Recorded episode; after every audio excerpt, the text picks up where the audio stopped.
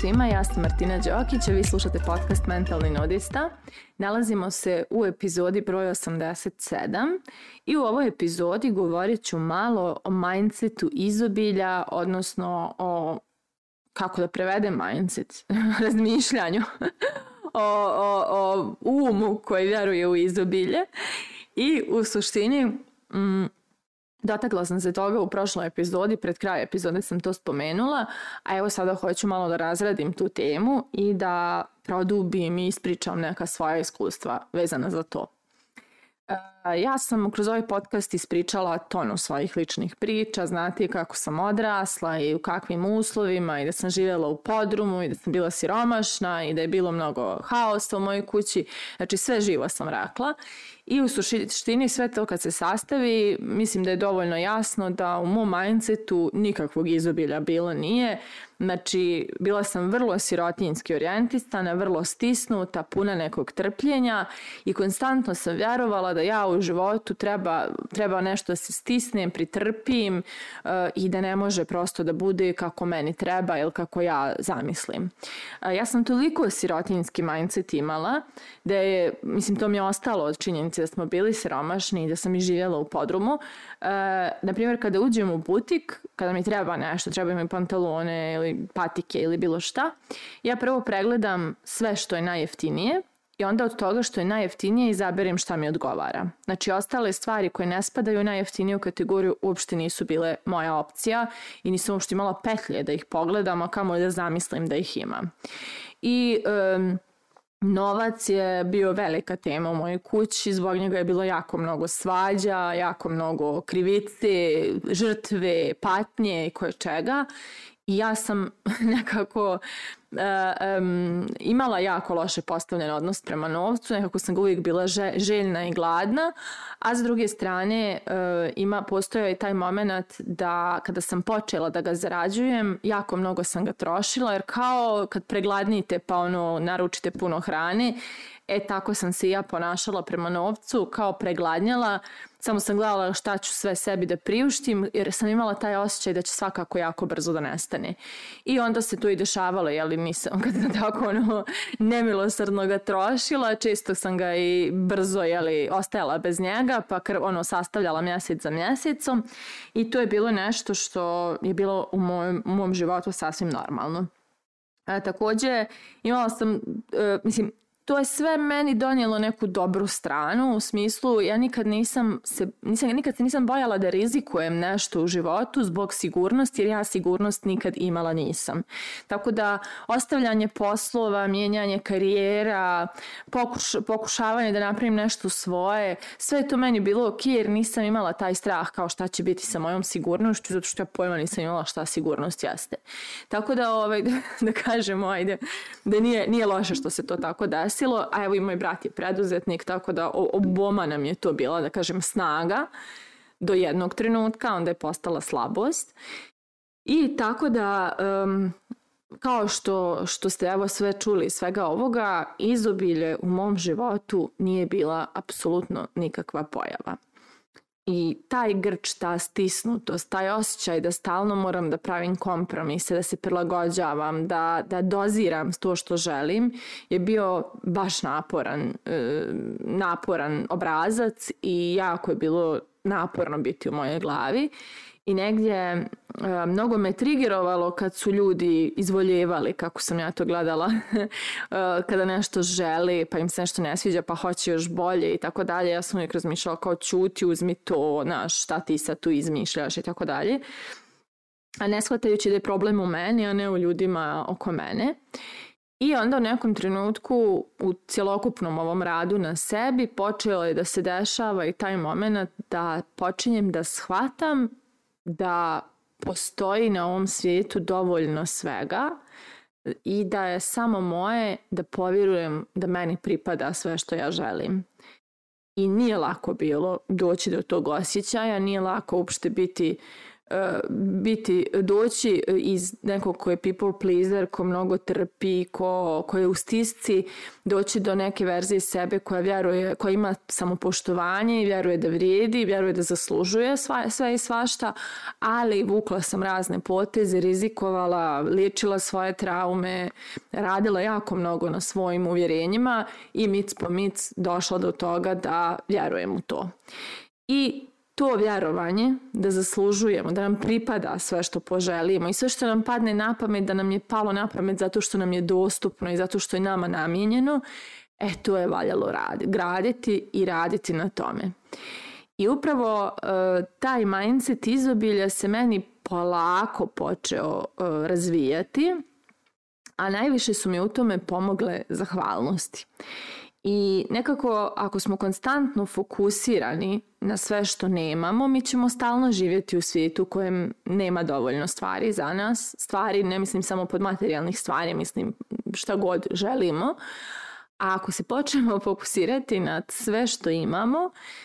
sve više ćemo otkrivati koliko toga još za nas ima. I ne pričam samo sad ja ovdje o nekom zakonu privlačenja, mada sam i vrlo otvorena i za to i vrlo vjerujem i u to, nego pričam o čistom fokusu koji možete naučno da provjerite, a to je da je život tačno onakav kakav je naš fokus, jer naš um bira da vidi te informacije na koje smo mi stavili fokus, a briše nam sve ostale. I to vjerujem da sam ispominjala više puta u podcastu, ono kada vam se svidi neki auto pa ga vidite na svakom čošku, e to je zato što je vaš fokus sada na tome i sada, su, sada vam je ta informacija vidljiva. I uglavnom,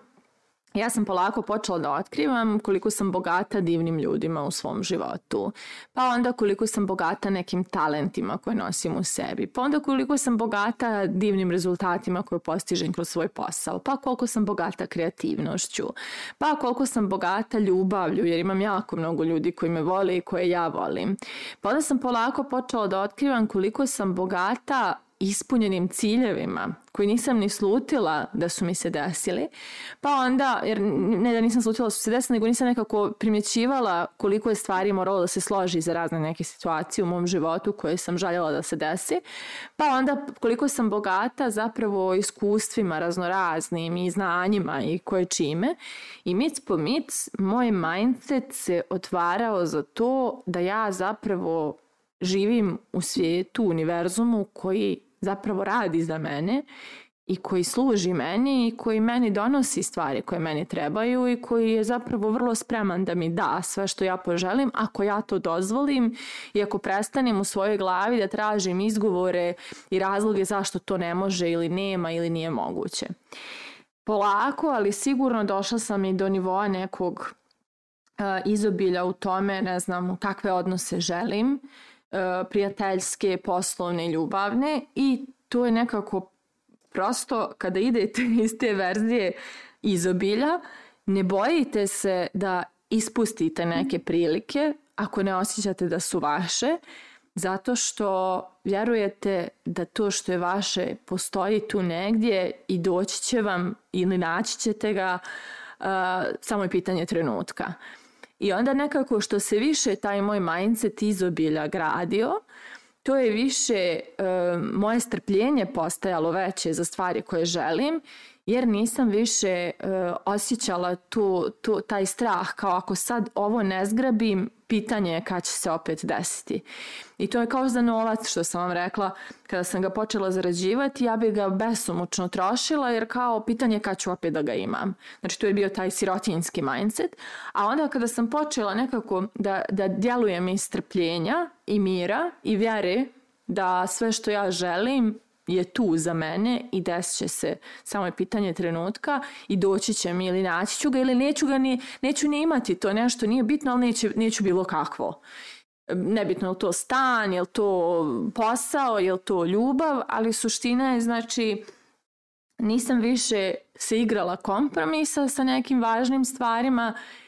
e, jer moje vjerovanje je da veliki kompromisi zapravo govore da ne vjerujemo da zaslužujemo to što želimo ili da postoji to što želimo. A kada imamo mindset izobilja, mi verujemo i da postoji sve to što želimo, a i da mi zaslužujemo sve to što želimo. Da bismo postigli ta dva faktora, kao što sam rekla, važno je da mnogo uložimo u rad na sebi, Ja sam to radila kroz NLP,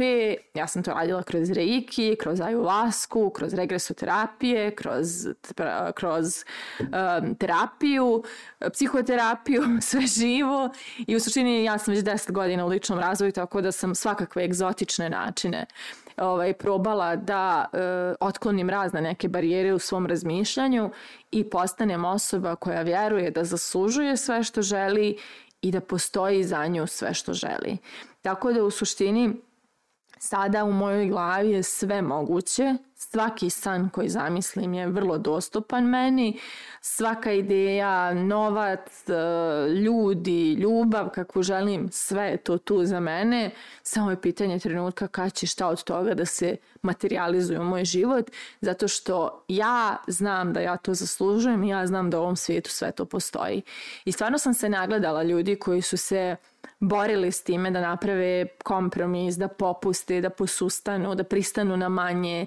da nađu drugi put od tog koji su zamislili da je za njih ispravan, ali kogod je istrajao, dobio je tačno to što je želio. Nebitno da li je posao, ljubav, e, selitba u drugu državu, fakultet koji želi da upišu, znači šta god, svako je dobio tačno to što je želio i na kraju nekako ispadne da je to bilo baš u pravom trenutku kada je ta osoba bila spremna za to. Tako da dok god imamo mindset izobilja, sve opcije su nam otvorene i sve što želimo je naše, A kada imamo sirotinski mindset, tako ću ga nazvati pomalo pogradno, ali taj neki mindset straha, uh, tada pravimo velike kompromise, pristajemo na manje od onoga što želimo, gaslajtujemo sebe i svoje ideje i govorimo da je to naivno, glupo ili nemoguće, a u stvari sve je moguće samo ako naš um dozvoli da povjerujemo u to. Tako da moje pitanje za kraj ove epizode je u čemu sve imate mindset straha i kako ćete da ga prebacite u mindset izobilja. Mislite o tome, a mi se družimo u narednoj epizodi. thank you